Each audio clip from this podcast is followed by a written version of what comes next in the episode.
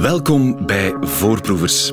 Het zou zomaar even kunnen dat je zometeen getuige bent van een gesprek over een boek dat voor wereldvrede gaat zorgen. Een boek dat ervoor gaat zorgen dat iedereen vol begrip naar elkaar gaat luisteren en zich zal proberen verplaatsen in wat op het eerste zicht een tegengestelde mening lijkt.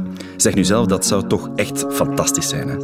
Dromen mag natuurlijk, maar ondertussen belooft dit boek een pleidooi te zijn. Een pleidooi voor perspectivistische lenigheid. U hoort het goed. Uh, voor u helemaal wegstapt, dit gaat u willen horen. Het vraagt uiteraard om tekst en uitleg en die gaat u krijgen van de schrijver zelf. Welkom bij Voorproevers. Voorproevers. Welkom Lammert Kamphuis, uh, filosoof en schrijver uit Nederland. Dankjewel. Hoe gaat het met u? Het gaat goed. Ja, ben, Blij, ben blij te horen. Uh, jij bent de auteur van het boek Verslaafd aan ons eigen gelijk.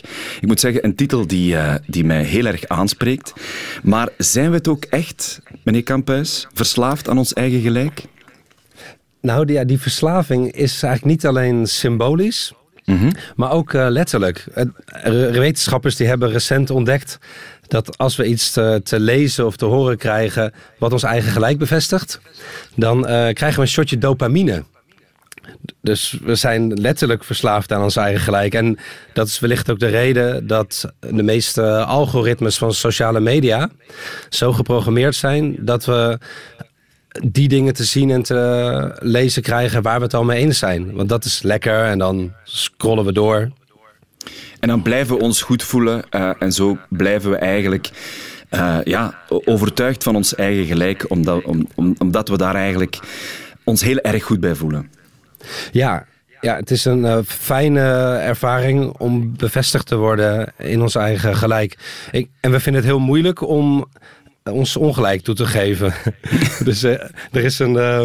Uh, ik, ik betrapte mezelf daar laatst trouwens ook op hoor. Dat ik, dat ik mijn weegschaal eigenlijk alleen maar vertrouw. als die een gewicht aangeeft wat me bevalt. dan ga ik erop staan en denk ik, ja, dat ding werkt nog goed. en als die iets aangeeft wat me niet bevalt, dan, dan stap ik eraf. en dan ik het aan de hand. Ja, ja, even rechtzetten misschien. Ja. Zo is het eigenlijk op, op alles, uh, op alles uh, terug te brengen of op alles te, te projecteren. Maar je vertelt ook, uh, meneer Kamphuis, in het boek ehm, dat dit boek er op een urgente manier gekomen is. nog voor andere vooropgestelde boeken. Waarom moest dit boek er nu op dit moment komen?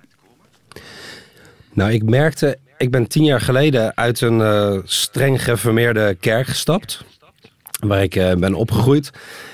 En dat was een wereld waarin we heel stellig overtuigd waren van ons eigen gelijk. Dus we noemden ons ook de enige ware kerk. En we waren met 120.000 leden in Nederland. En eigenlijk alle andere christenen die zaten ernaast. Uh, toen ik eenmaal uit die kerk was, hoorde ik ook dat er onder andere christenen een uh, mop uh, werd gebezigd over onze kerk. Dat als ze in de hemel zouden komen en Petrus die zou hen ontvangen, en iedereen was helemaal uitgelaten en blij dat ze in de hemel waren. En dan gaf Petrus hen een rondleiding. En dan kwamen ze bij een gang en dan zei Petrus: Oh jongens, uh, even stil. En dan liepen ze in stilte door die gang. En dan kwamen ze langs een kamer met allemaal stilteborden. En dan aan het eind van de gang vroegen ze aan Petrus: uh, Waarom moesten we heen nou stil zijn? En dan zegt Petrus, ja, in die kamer zitten de geformeerd vrijgemaakten. Zo heette de kerk waarin ik opgroeide. Uh, die denken dat ze hier alleen zijn. nou, nou mijn vader het, was... Het typeert een beetje de wereld waar je vandaan komt. Ja, ja, inderdaad. En mijn vader was hoogleraar dogmatiek in die wereld. Dus dogmatisch. Uh, er was een compliment in onze kerk. En, en tien jaar geleden ben ik uh, met pijn en moeite uit die kerk gestapt. Maar ik zie nu eigenlijk een samenleving die steeds meer gaat lijken op de kerk waar ik uitgestapt ben. Dus we zijn eh, stellig overtuigd van ons eigen gelijk. Uh, we hebben weinig begrip voor andersdenkenden. Er is weinig ruimte voor nuance. En dat merkte ik ook rond de coronacrisis. En toen dacht ik, ik denk dat we wel wat filosofie kunnen gebruiken om leniger te worden en iets minder rigide in onze overtuigingen te staan. Ja, want jouw boek leest echt als een pleidooi voor filosofie. Wanneer is filosofie op jouw pad gekomen? Nou, vooral toen ik... Ik studeerde, eh, studeerde toen uh, drie, vier jaar theologie in Kampen. Ook met het idee om dominee te worden in die gereformeerde kerk. Toen maakte je nog deel uit van, van die wereld, voor alle duidelijkheid. Ja, ja, toen maakte ik daar nog deel van uit. Ja, en mijn, mijn beide opa's die waren ook dominee en mijn vader ook. En dus ik was ook van plan die lijn voor te zetten. Het was eigenlijk allemaal al uitgestippeld uh, binnen, binnen de krijtlijnen van de gereformeerde kerk. Ja, zo voelde het wel. Ja, ja, het was ook een wereld die eigen basisscholen en middelbare scholen had, eigen studentenverenigingen. Dus tot mijn 29ste ben ik nooit bevriend geweest met mensen buiten die kerk. En toen ging ik op mijn, dus, ja, ik denk 23, 24ste, ging ik filosofie studeren in Utrecht. Uh, met het idee om te leren hoe mensen buiten de kerk nadenken. En hoe zij naar het leven kijken. En dan hoopte ik hen beter te kunnen uh, overtuigen van het christelijk geloof. Of van de geformeerde leer. En daar, dat eerste college filosofie, dat duurde drie uur. En ik weet nog dat wij, die docent had allerlei ideeën besproken over de zin van het leven en over ethiek. Maar hij had niet gezegd, ja, welke filosoof heeft nou gelijk? en ik dacht, hè, maar ik wil antwoorden. Ik kwam uit een wereld van antwoorden. Ja, heel duidelijke antwoorden zelfs. Ja, zeker. Ja. Dus ik ging aan het eind van het uh, college naar hem toe. En toen vroeg ik, nou, uh, ga je volgende week de antwoorden geven? En toen zei hij, nou, in de filosofie zijn we niet zo van het geven van de antwoorden, maar meer van het stellen van de vragen. En toen ging ik terug in de trein naar, naar Kampen, waar ik dan woonde en theologie studeerde. En dat was ja, alsof er een nieuwe mogelijkheid in mijn hoofd opkwam. Van dat kan dat ook. Ja, wat, wat moet ik me dat zo voorstellen? Dat, dat, dat, er, dat je plots een, een, een andere wereld ontdekt. Dat je plots ontdekt van ah, er zijn eigenlijk nog andere manieren van uh, nadenken over het leven. Of, of uh, ja, er is een heel ja. nieuwe wereld die aan mij ontluikt. Ja, en ik denk dat ik, toen ik die docent sprak, dat ik voor het eerst iemand ontmoette die het aankon om te leven vanuit de vragen en niet vanuit antwoorden. En dat dat voor mij ook een soort ja, openbaring was van, hè, kan dat ook? Dat, ik, ik was gewend dat er één visie was op de mens. De mens is een eh, schepsel van God die een, een soort gat in zijn hart heeft die alleen God kan vullen. En alles wat de mens doet kun je vanuit dat perspectief op de mens uh, verklaren. En toen leerde ik ineens, je kunt de mens ook als een homo economicus bezien, die uh, vooral bezig is zijn of haar eigen behoeftes te bevredigen. Maar je kunt de mens ook als een homo ludens, als een spelend wezen zien. Of je kunt de mens zien als een mens dat vooral bezig is zijn of haar macht te vergroten. Ineens werd er een soort luikje geopend, wat allerlei nieuwe perspectieven op de wereld en op de mens. Uh, Om het allemaal vanuit, vanuit een, een, een, een, verschillend standpunt te beginnen bekijken. Dat was helemaal ja. nieuw in jouw wereld toen. Ja, dat was helemaal nieuw. Ja, ja ik, uh, filosofie is natuurlijk letterlijk uh, liefde voor de wijsheid. En ik vind zelf een van de mooiste definities van wijsheid van een Nigeriaanse filosoof, Sophie Oluwole. En zij zei: wijsheid is de mogelijkheid om iets op een andere manier te zien. En ja, dat begon ik eigenlijk tijdens die studie pas te leren. Hey, je hoeft de wereld niet vanuit één vastgesteld antwoord of perspectief te bekijken. Maar er schuilt een schoonheid in steeds kunnen eh, wisselen van perspectieven en vanuit nieuwe perspectieven kijken. Als je, als je terugkijkt naar die periode waarin je je losscheurt van, van een, een wereld waarin je bent opgegroeid, uh, waarvan je tot dan dacht van dit is de wereld, dit is de manier uh, om, om te kijken naar, naar het leven en naar de wereld. Plots, plots scheur je daarvan af. Ik kan mij ook voorstellen dat je daar een heel nieuwe identiteit tegenover moet stellen. Plots moet je iemand anders zijn. Ja, dat was ook zo. Ja, toen ik uiteindelijk op mijn 29ste uit die kerk stapte, ja, toen verloor ik ook al die antwoorden en zekerheden. En ook mijn baan trouwens. En uh, contact met, met familieleden en vrienden. Dus dat was ook een heel ingrijpende periode. Ja, lijkt mij ook heel heftig om plots uh, alle grond onder je voeten te zien uh, wegvallen. Ja, je, ik was gewend ook aan een wereld van zekerheden en vastigheid. En dat loslaten gaf ook veel uh, twijfel of onzekerheid. Ik, ik ben toen ook wat, wat veel mensen doen. Als je dan uh, jezelf kwijt bent, wat ga je dan doen? Dan ga je eh, backpacken in Azië. Sorry, het is een lach van herkenning. ja, ja, oh ja. ik ben niet de enige. Nee, nee, tuurlijk niet. Tuurlijk niet. Nee, ja, het is eigenlijk wonderlijk, dacht ik laat. Als je jezelf. Uh, of ik, leer, ik heb altijd geleerd, als je iets kwijt bent, dan moet je kijken waar je het voor het laatst gezien hebt. Maar als we onszelf kwijt zijn, dan gaan we naar de andere kant van de wereld. Maar dat, ja, ik heb ook dus inderdaad een tijd lang um, echt wel wat verloren gevoeld. En wat, wat, wat, wat deed dat met jou? Het feit dat je het plots allemaal niet meer weet en het op losse schroeven staat allemaal? Ja, de, enerzijds gaf dat dus onrust en, en onzekerheid. Om, omdat ik bijna 30 jaar gewend was aan heldere waarheden en onderscheidingen. Maar ik kreeg wel meteen er iets voor terug. Een soort vrijheid en nieuwsgierigheid om ja, op nieuwe manieren je, je liefdesleven in te richten. Je vriendschappen, andere manier van kijken naar werk of uh, de zin van het leven. Dus ik, ik verloor veel, maar ik, ik kreeg, dus de, de prijs was hoog. Maar ik kreeg er iets anders voor terug. Een vrijheid van nadenken en mogen inleven in allerlei verschillende uh, mensen en, en ideeën. Mm -hmm. jouw boek kan op verschillende manieren gelezen worden, uh, maar je kan het ook lezen als een pleidooi voor onwetendheid. Uh, het, het, niet weten is voor jou een heel belangrijk element van het leven aan te vatten of het leven te leiden, zo lijkt het wel. Ja, dat, dat, is, dat, dat klopt. Ja, dat ik dat, die onwetendheid. Um... Maar waarom vinden we dat zo moeilijk om te zeggen: ik weet het niet? Het is ook een soort kwetsbaarheid. Dat, uh, het toegeven iets niet te weten. Um, Socrates, uh, een van de eerste bekende Griekse filosofen, die is natuurlijk bekend geworden met die uitspraak. Uh, het enige wat ik zeker weet is dat ik niks zeker weet. Mm -hmm. En zelfs daar ben ik niet helemaal zeker van. en de, ja, dat geluid is in de geschiedenis van de filosofie natuurlijk veel teruggekomen. En ik denk dat het erkennen van je onwetendheid en twijfelen aan je eigen gelijk. En misschien uiteindelijk wel voor zorgen dat we wat vaker gelijk krijgen. Er is een prachtig onderzoek gedaan naar experts die voorspellingen deden op hun uh, specialisme.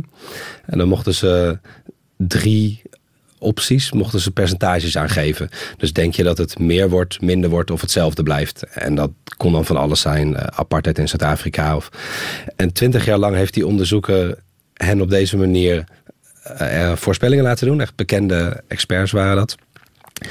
En na meer dan 80.000 voorspellingen bleek dat als je als een totale leek elke optie 33,3% had gegeven steeds, dan had je het beter gedaan dan de experts.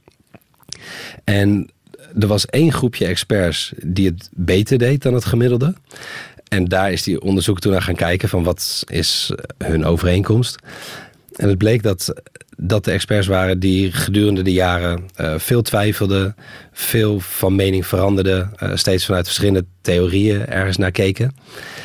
En dus juist omdat ze hun onwetendheid erkenden, uh, kwamen ze dichter bij het gelijk. de werkelijkheid, ja. het gelijk. Ja. ja. Um, meneer Kamphuis, je schrijft ergens in je boek, um, waarschijnlijk heb je het gevoel dat je bij het lezen van dit boek denkt aan één iemand die heel erg baat zou hebben bij dit boek? Ik heb dat ook gehad, maar um, gaandeweg heb ik het heel erg op mezelf uh, kunnen terugbrengen. Uh, wat eigenlijk uh, waarschijnlijk uw grootste betrachting is van, uh, van dit boek.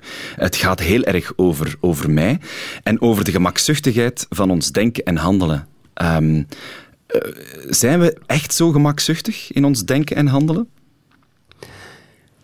Ja, er zitten wel een aantal kenmerken in onze uh, manier van denken. Die ervoor zorgen dat we misschien ook makkelijk in een tunnelvisie geraken. Of uh, blinde vlekken krijgen. Zijn dus we van nature hebt... geprogrammeerd om vast te raken in die tunnelvisie? Ehm, nou, ik denk als we het. Er zit ook een, een nieuwsgierige en bevragende, creatieve kant in ons.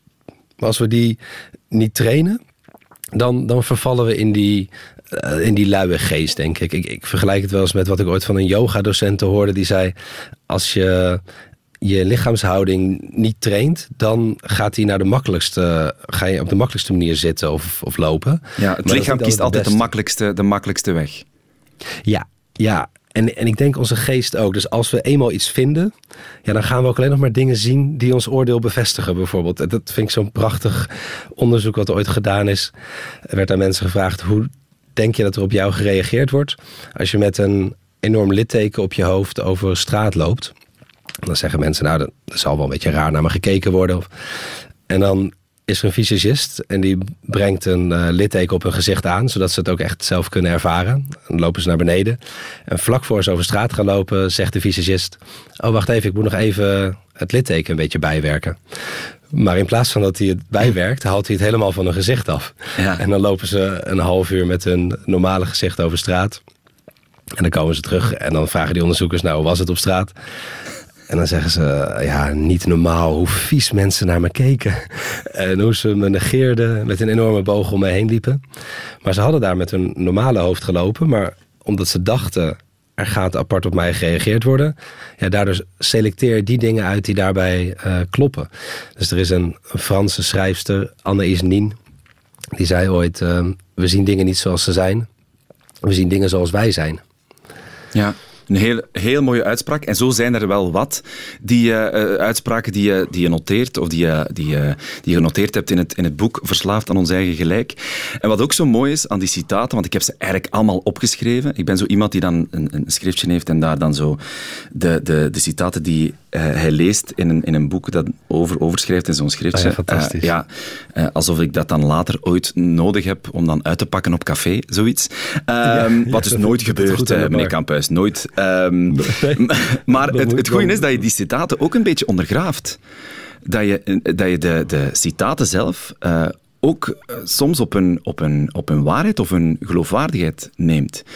Er zijn een paar uitspraken waarvan je zegt, ja, mooie uitspraak, maar het is in het echt nooit gebeurd of nooit gezegd. Ah ja. Ja, dat is nou bijvoorbeeld de uitspraak die ik net aanhaalde van Socrates. Ja? het enige wat ik zeker weet is dat ik niks zeker weet. En zelfs daar ben ik niet zeker van.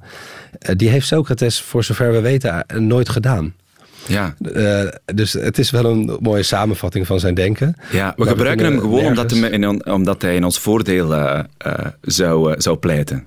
Ja, inderdaad. Ja. ja, en er is ook een prachtige quote, vind ik, van Voltaire. Of die wordt aan toegeschreven aan Voltaire waarin hij zegt: Ik walg van uw mening, maar ik ben bereid uh, te sterven voor uw vrijheid om deze uit te spreken. Mm -hmm. Dat vind ik een prachtig idee, juist ook in deze tijden van polarisatie.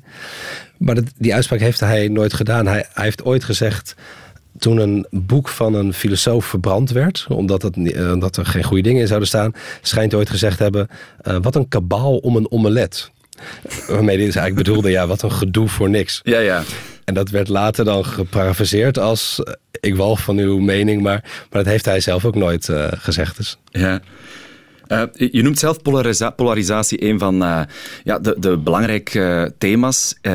dat zal niet alleen in Nederland zijn, ook bij ons hier in België. Maar je benoemt zelf polarisatie een kopingsmechanisme.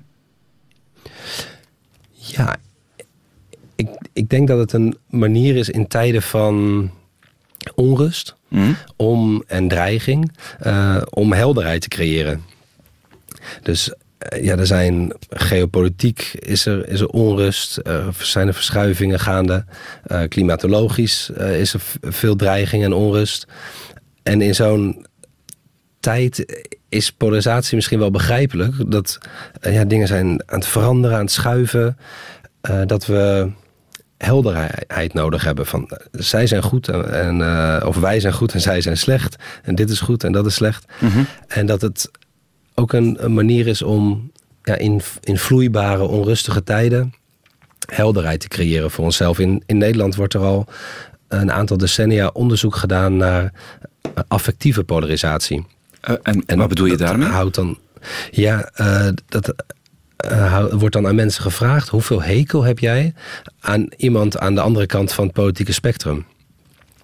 En het blijkt dat dat de afgelopen jaren steeds verder toeneemt. Ja. Dus er is niet per se uh, op alle thema's sprake van uh, inhoudelijke polarisatie. Dus er zijn uh, terreinen waarop we inhoudelijk verder uit elkaar gaan liggen, zoals immigratie, in, in Nederland in elk geval. Um, maar ook waar we dichter bij elkaar komen, zoals kernenergie. Maar we krijgen dus wel minder begrip voor mensen die anders denken dan wij. En dat heeft corona bijvoorbeeld een aantal jaren geleden ook heel erg pijnlijk duidelijk gemaakt. Ja, dat, dat was ook wel een periode waarin ik uh, ja, soort gebeurtenissen zag die me deden terugdenken aan de kerk waar ik in zat. Dus als iemand in de kerk besloot om uit de kerk te stappen, dan betekende dat soms ook dat in de familie uh, een scheuring ontstond of men elkaar niet meer zag. En dat zag ik nu ook gebeuren rond uh, wel of niet vaccineren. Dat families zelfs daardoor verscheurd raakten. Of, en dat deed me wat denken aan, de, aan, aan die kerkelijke gemeenschap waar ik uitkwam.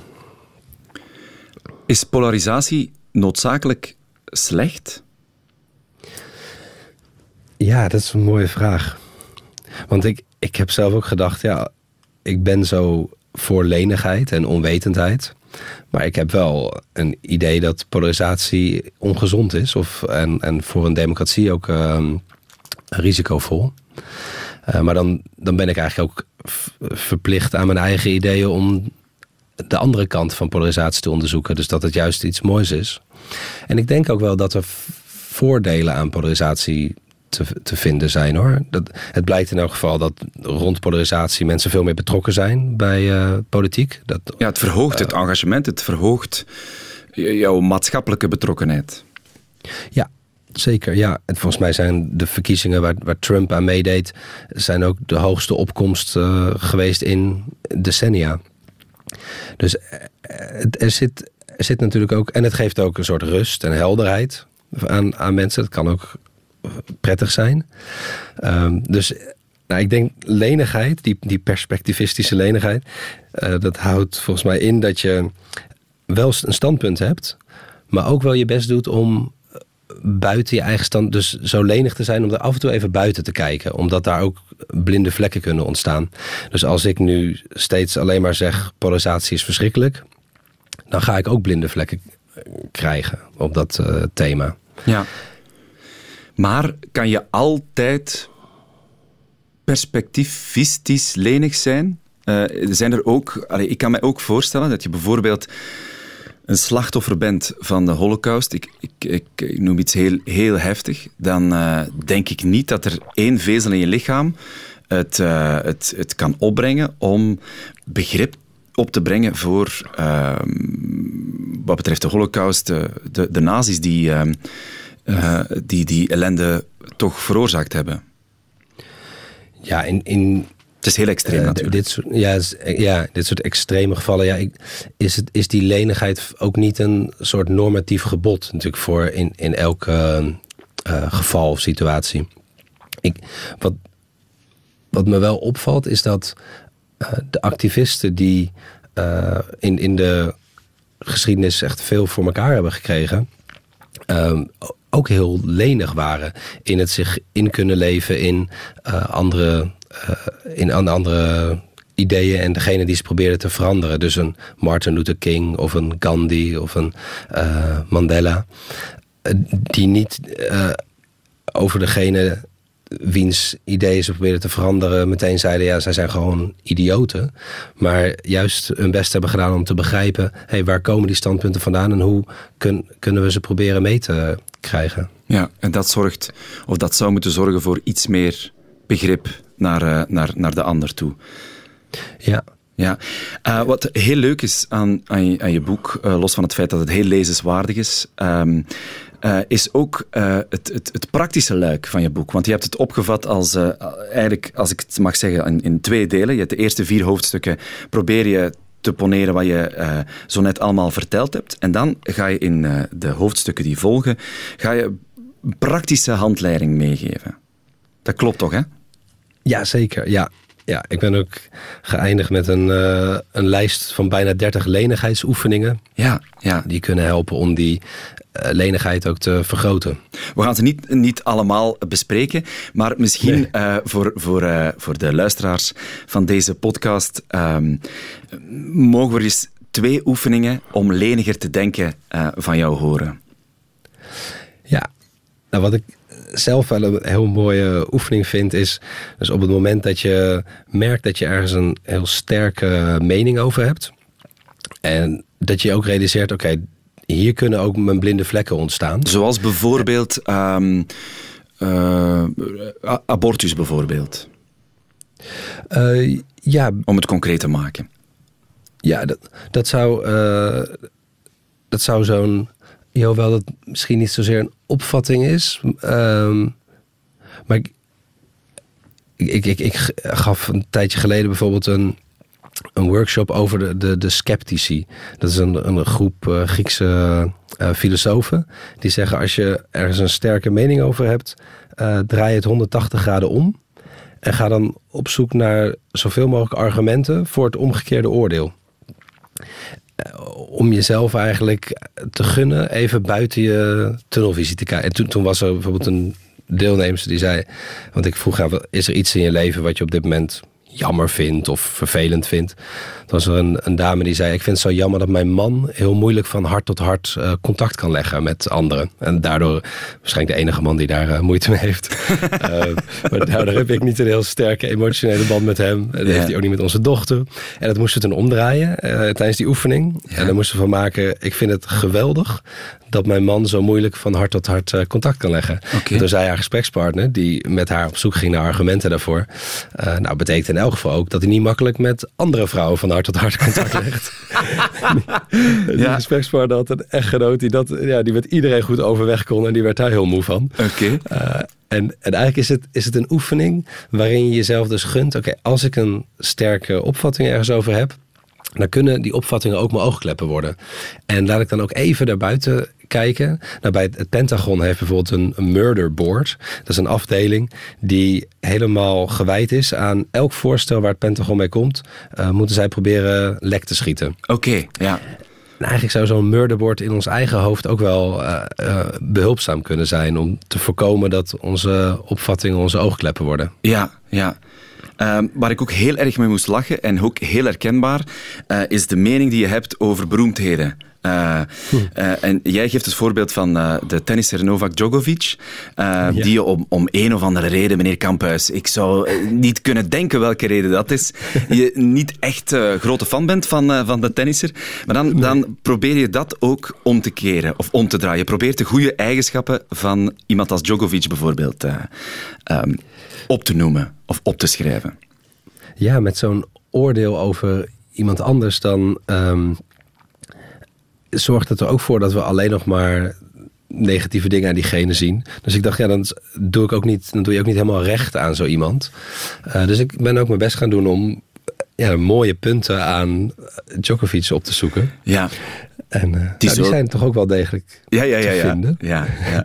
En Met, uh, wat was dan het mooie punt van, van Djokovic? Gewoon uit nieuwsgierigheid? Nou, ja, ik ben wel zijn zijn discipline en doorzettingsvermogen zijn wel echt bewonderenswaardig. Ja, ja.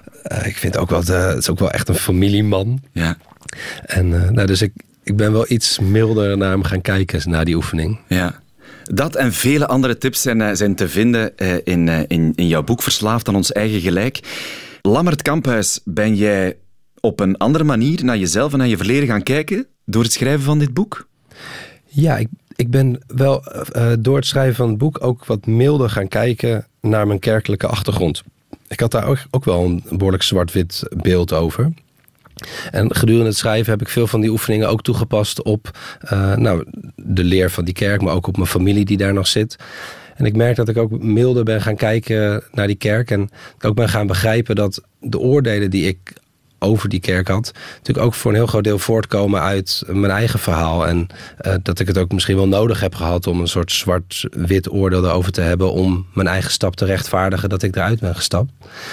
En uh, ik, ben ook kanten aan die jeugd gaan zien en aan die kerk gaan zien die, uh, die eigenlijk heel mooi zijn. Dat is ook een van de, van de, uh, de mooie punten aan je boek, is dat je jezelf heel erg in de weegschaal legt uh, en jezelf niet ontziet um, als, uh, als ja, iemand die ook verslaafd is aan, aan zijn eigen gelijk. Ja, daar, daar ben ik tijdens het uh, schrijven van het boek alleen maar meer van overtuigd geraakt eigenlijk. Hoe, hoe verslaafd ik zelf ook ben aan mijn eigen ideeën en gelijk. En, en hoe hard het werken is om, als je iemand tegenkomt met een andere opvatting, diegene echt serieus te nemen. Dat dat, dat eigenlijk van nature zo makkelijk is om iemand meteen weg te zetten in een hoek. Um, ja, dat het echt training vergt om andersdenkende uh, begrip voor te hebben en serieus te nemen. Ja. Het is misschien een rare vraag, maar heb je een lezer in gedachten? Uh, of heb je een lezer in gedachten gehad bij het schrijven van het boek? Ik ben het gedurende het schrijven eigenlijk uh, voornamelijk ook voor, ja, voor mezelf op mezelf gaan toepassen. Ja. En uh, daarom, uh, ik, ik, ik realiseerde me bijvoorbeeld ook in Nederland hebben bij de laatste verkiezingen één op de vijf à zes Nederlanders op de BBB gestemd, de Boer-Burgerbeweging. Ja. Ja, in mijn vriendenkring uh, ken ik niemand die dat gedaan heeft. En dat nee. vind ik ook het zorgwekkend. Als je ja, nooit mensen tegenkomt die anders denken, ja. dan wordt het ook moeilijker om ze uh, te begrijpen of begrip ja. voor te hebben. Dus je wil ook een pleidooi houden voor uh, ga zoveel mogelijk naar buiten op plekken uh, waar je misschien geen bekende tegenkomt. Ga zoveel mogelijk naar de bruine kroeg. Dat heb ik ook onthouden. Jazeker, ja. Dat is denk ik ook een, Dank je, meneer een belangrijke oefening. ja, nee, maar je zegt het al gekscherend, maar het is wel zo. Ja, het, is, ja het, is, het, het, blijkt ook uit onderzoek in, in Nederland in elk geval... dat onze uh, sociale netwerken steeds homogener worden. En we eigenlijk steeds meer omgaan met mensen die hetzelfde uh, vinden als wij, dezelfde podcast luisteren, uh, dezelfde fiets fietsen. En daardoor raken we ook steeds verder bevestigd in ons eigen gelijk. Maar dat is voor een democratie en voor een samenleving is dat problematisch, denk ik. Als we mensen met andere opvattingen zelden tegenkomen. Waardoor we ze ook zo makkelijk als soort wappies uh, gaan uh, wegzetten. In, ik heb ontdekt tijdens het schrijven van het boek dat uh, roken heel gezond is voor de democratie. Want in, bij de Tweede Kamer, de parlement in Nederland, daar is een rokershok.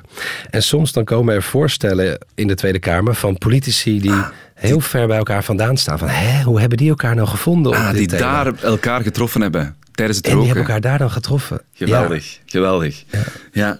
Uh, ik hoop, uh, uh, meneer Kamphuis, dat wij elkaar ooit eens in een bruine kroeg kunnen tegenkomen. ik wil jou heel erg bedanken voor, voor jouw tijd en jouw boek natuurlijk. Jouw ja. poging om de mensen iets dichter bij elkaar te krijgen.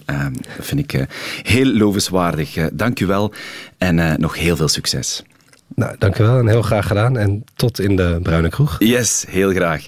Meer afleveringen van Voorproevers uh, zijn natuurlijk te beluisteren via VRT Max. U bent voor nu bedankt om te luisteren.